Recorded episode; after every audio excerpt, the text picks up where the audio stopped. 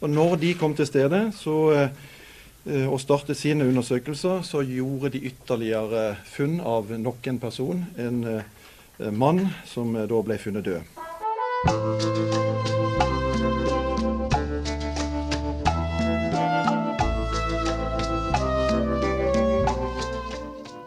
Det var dramatiske nyheter politiinspektør Tore Salvesen kunne fortelle pressen mandag 13.1.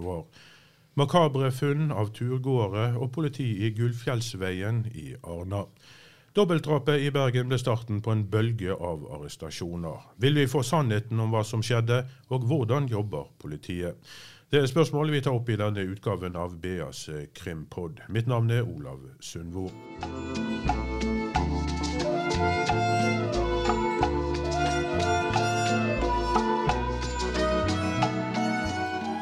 Bente Raknes, tidligere drapsetterforsker. Du har fulgt saken tett fra sidelinjen som krimekspert og kommentator her i BA. Eh, hva overrasker deg mest med denne saken? Ja, Det som overrasker meg mest, er vel antall personer som er eh, pågrepet uh, og innbrakt i, i, denne saken. Og også litt om situasjonen hvor uoversiktlig og vanskelig og utfordrende saken sannsynligvis er for politiet. Det er jo åpenbart eh, mange involverte. Jeg tror også det er utrolig stort antall vitneavhør som eh, er tatt i løpet av fra de oppdaget likene og uh, fram til i dag. Så det er en omfattende etterforskning. Og så er det jo ganske sjelden, heldigvis, at man opplever et dobbeltdrap i Bergen by. Lina Nilsen, du har også fulgt denne saken som journalist i BA krimjournalist. og dette er en sak som er svært alvorlig, selvsagt. Men uh, hvordan har det vært å arbeide med, med denne saken? Nei, Det har jo, som, som Raknes sier, vært uh, vanskelig for oss som journalister òg. Det er et stort antall uh, personer involvert. Mange siktere. altså Vi har totalt nå fem som er sikta for drap eller medvirkning til drap. Og de har blitt pågrepet og fremstilt for varetekt én etter én. Så det har vært en stadig utvikling som har gjort det ganske vanskelig for oss, eh, oss journalister. Og i tillegg så har politiet holdt kortene veldig tett til brystet, sånn at vi har fått lite og svært begrensa informasjon ut fra de, sånn at vi har vært avhengig av å jobbe med denne saken her på en måte utover eh, politikildene vi har, da, og snakket med, med personer i, i rusmiljøet, som mange av disse her eh, Eh, siktede og eh, hørte til. Sånn at, eh, og informasjonen vi har fått fra personer der, har kanskje vært eh, vanskelig å, å dobbeltsjekke at de stemmer. Så det har vært, vært litt utfordrende for oss som, som journalister. Men dette er klart en sak som, som, opptar alle i miljøet i Bergen. Og det, det, er jo klart at dette skjedde i et uh, rusmiljø. Ja. Og, og, mange av de vi har snakket med også, uttrykker jo en, litt frykt da, for, å, for, å, snakke med både oss og frykt for for represalier. sånn at det er klart det er vanskelig for oss som, som journalister å, å få svar i denne saken.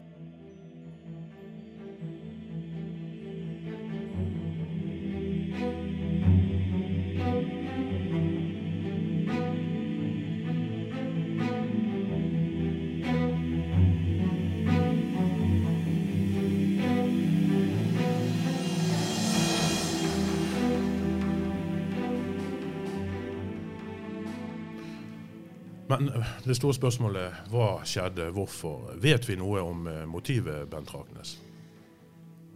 Ja, vi har, altså det er jo sikkert mange som spekulerer, og deriblant også oss som sitter her, som, som spekulerer i hva egentlig er som har skjedd her. Eh, men ut fra de opplysninger vi sitter med, så er det nok narkotika som ligger til grunn for at noe har gått galt om narkotika i dette tilfellet er mindre mengder narkotika etter som opplysninger som vi sitter med, eh, skulle være nok til at eh, det endte med to drap. Det forstår jeg ikke helt. Så jeg, jeg er vel at det inntrykk at narkotika kan være grunnlaget for en konflikt, men at denne konflikten har utviklet seg til noe som gikk riktig, riktig galt. Og det vi også vet er at En 56 år gammel mann, en av de som ble pågrepet aller først, uh, Eh, har erkjent eh, straffskyld i henhold til siktelsen. Vi vet ikke hva han har forklart, men eh, det er vel kanskje en forklaring som nå politiet arbeider med. Ja da, det er jo sånn at uh, altså, Dette ordet tilståelse det er jo litt sånn spesielt. Hva er en tilståelse? Det er jo egentlig det som man oppnår nå i den måten man avhører i politiet nå. Det er jo det at man vil ha en, en forklaring om hva var det som skjedde inni det rommet, eller hva skjedde på det stedet. Mer enn hva en tilståelse er. For en tilståelse er ikke mye verdt hvis ikke den kan kontrolleres med både elektroniske spor og, og andre sine forklaringer og bekreftelser. Så, så er ikke en tilståelse så mye verdt. Spørsmålet er da hva er det egentlig han har tilstått. Eh, har han tilstått at han har tatt, eh, drept to personer, eller har han tilstått at han har drept én, eller har han tilstått at han har medvirket? Så per nå så vet vi egentlig ikke detaljer om rundt selve drapene. Men det vi vet er at drapet sannsynligvis skjedde en gang i løpet av helgen om natten.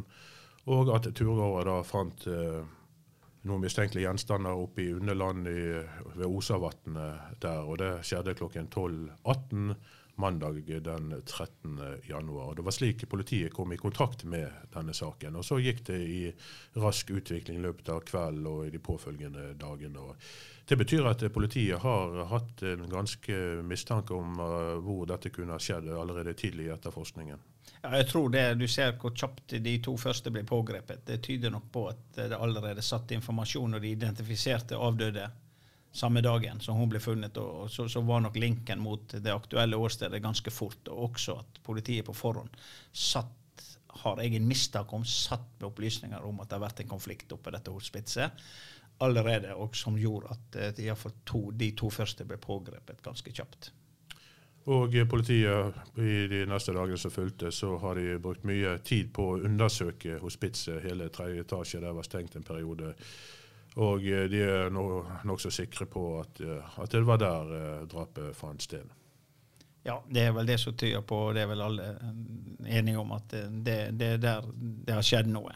Og det er klart at det, det som blir hovedutfordringen for, for politiet nå eh, Jeg må jo samtidig kunne gi ros da, til eh, politidistriktet for de store ressursene som er satt inn i saken. Eh, og at det er åpenbart at de har samlet enormt med informasjon den første uken som gjør at eh, det, det, ligger nok et stort arbeid for de nå fremover. Når de har tatt, innhentet så veldig mye informasjon. Og da er jo det, viktigste oppgaven som jeg mener er nå, det er jo det å analysere hver enkelt avhør. Som skal også gjøre hvor hver enkelt person har vært til enhver tid, sannsynligvis i opptil to døgn. De kartlegger over litt lengre periode. Sånn at eh, det, det, ligger et stort arbeid å finne fram hvem har gjort hva, og hvilke roller de har. og som vi har snakket om tidligere i avisen, altså det rollefordelingen blir en utfordring. Og når det gjelder eh, frakting av de avdøde opp i, i Arna-området, så foreligger en del opplysninger allerede om, om turgåere som har sett noe, og eh, også en bonde et godt stykke ifra der de til slutt ble funnet, som skal ha gjort eh, interessante observasjoner av en varebil. Og eh, Du har vært i kontakt med, med, en del kilder i denne saken. og eh, Hva vet vi om dette som skjedde i Langevedal, et stykke fra, litt, eh, kanskje en time før turgåerne fant de avdøde?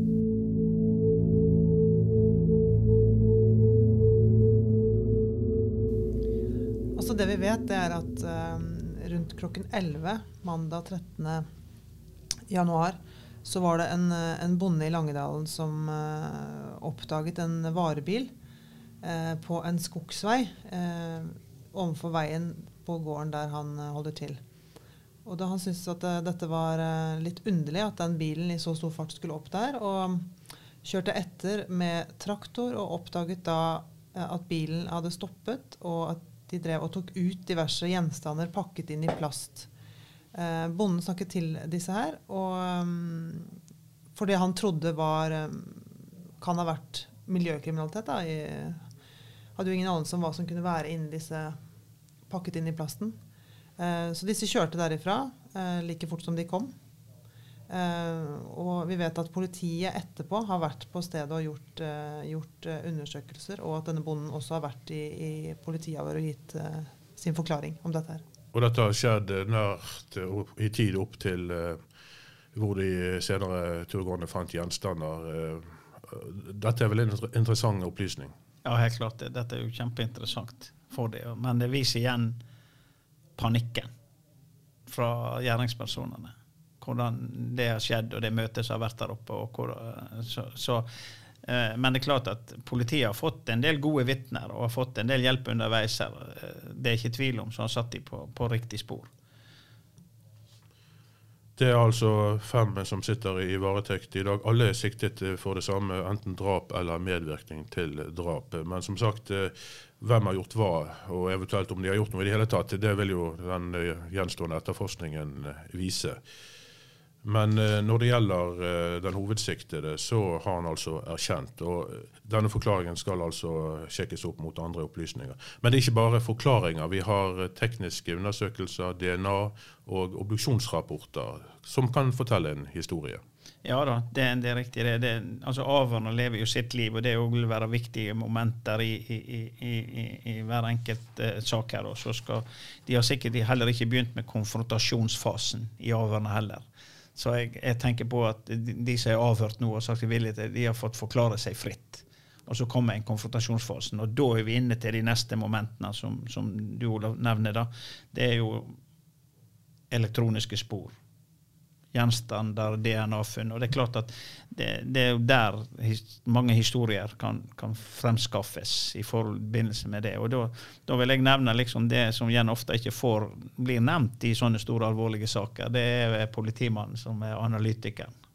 Det er han som skal lage tidslinjen på hver enkelt person, og eh, da bruke alle disse opplysningene. og vil si elektroniske spor. Han skal bruke det, han skal bruke DNA som blir funnet. Han skal bruke eh, alle, alle, opplysninger. Han leser hver enkelt avhør. Han leser vitneavhør, han leser siktede avhør, og legger inn tidsaspektene inni der. Og, og alt dette skjer på, på data i, i dag? Ja, alt dette skjer. Og Det er klart at det har vi sett i andre saker som jeg har vært involvert i, altså hvor viktig analytikeren er. Han blir ofte glemt, han blir ikke nevnt. Det er ofte avhørende og etterforskningsledere som blir nevnt. Men analytikeren er en av de viktigste faktorene i, i denne typen uh, etterforskning. Og i særdeleshet en sak som dette her, som er så For det er så mange opplysninger som er kommet frem? Uh, ja, det er helt klart. Og så Obduksjonen har vi hørt lite om. Og det er klart at den kan fortelle veldig mye. Og jeg, jeg, forstår, jeg har full forståelse for at politiet holder kortene veldig tett når det gjelder den, for der tror jeg Hvorfor holder de kortene så tett?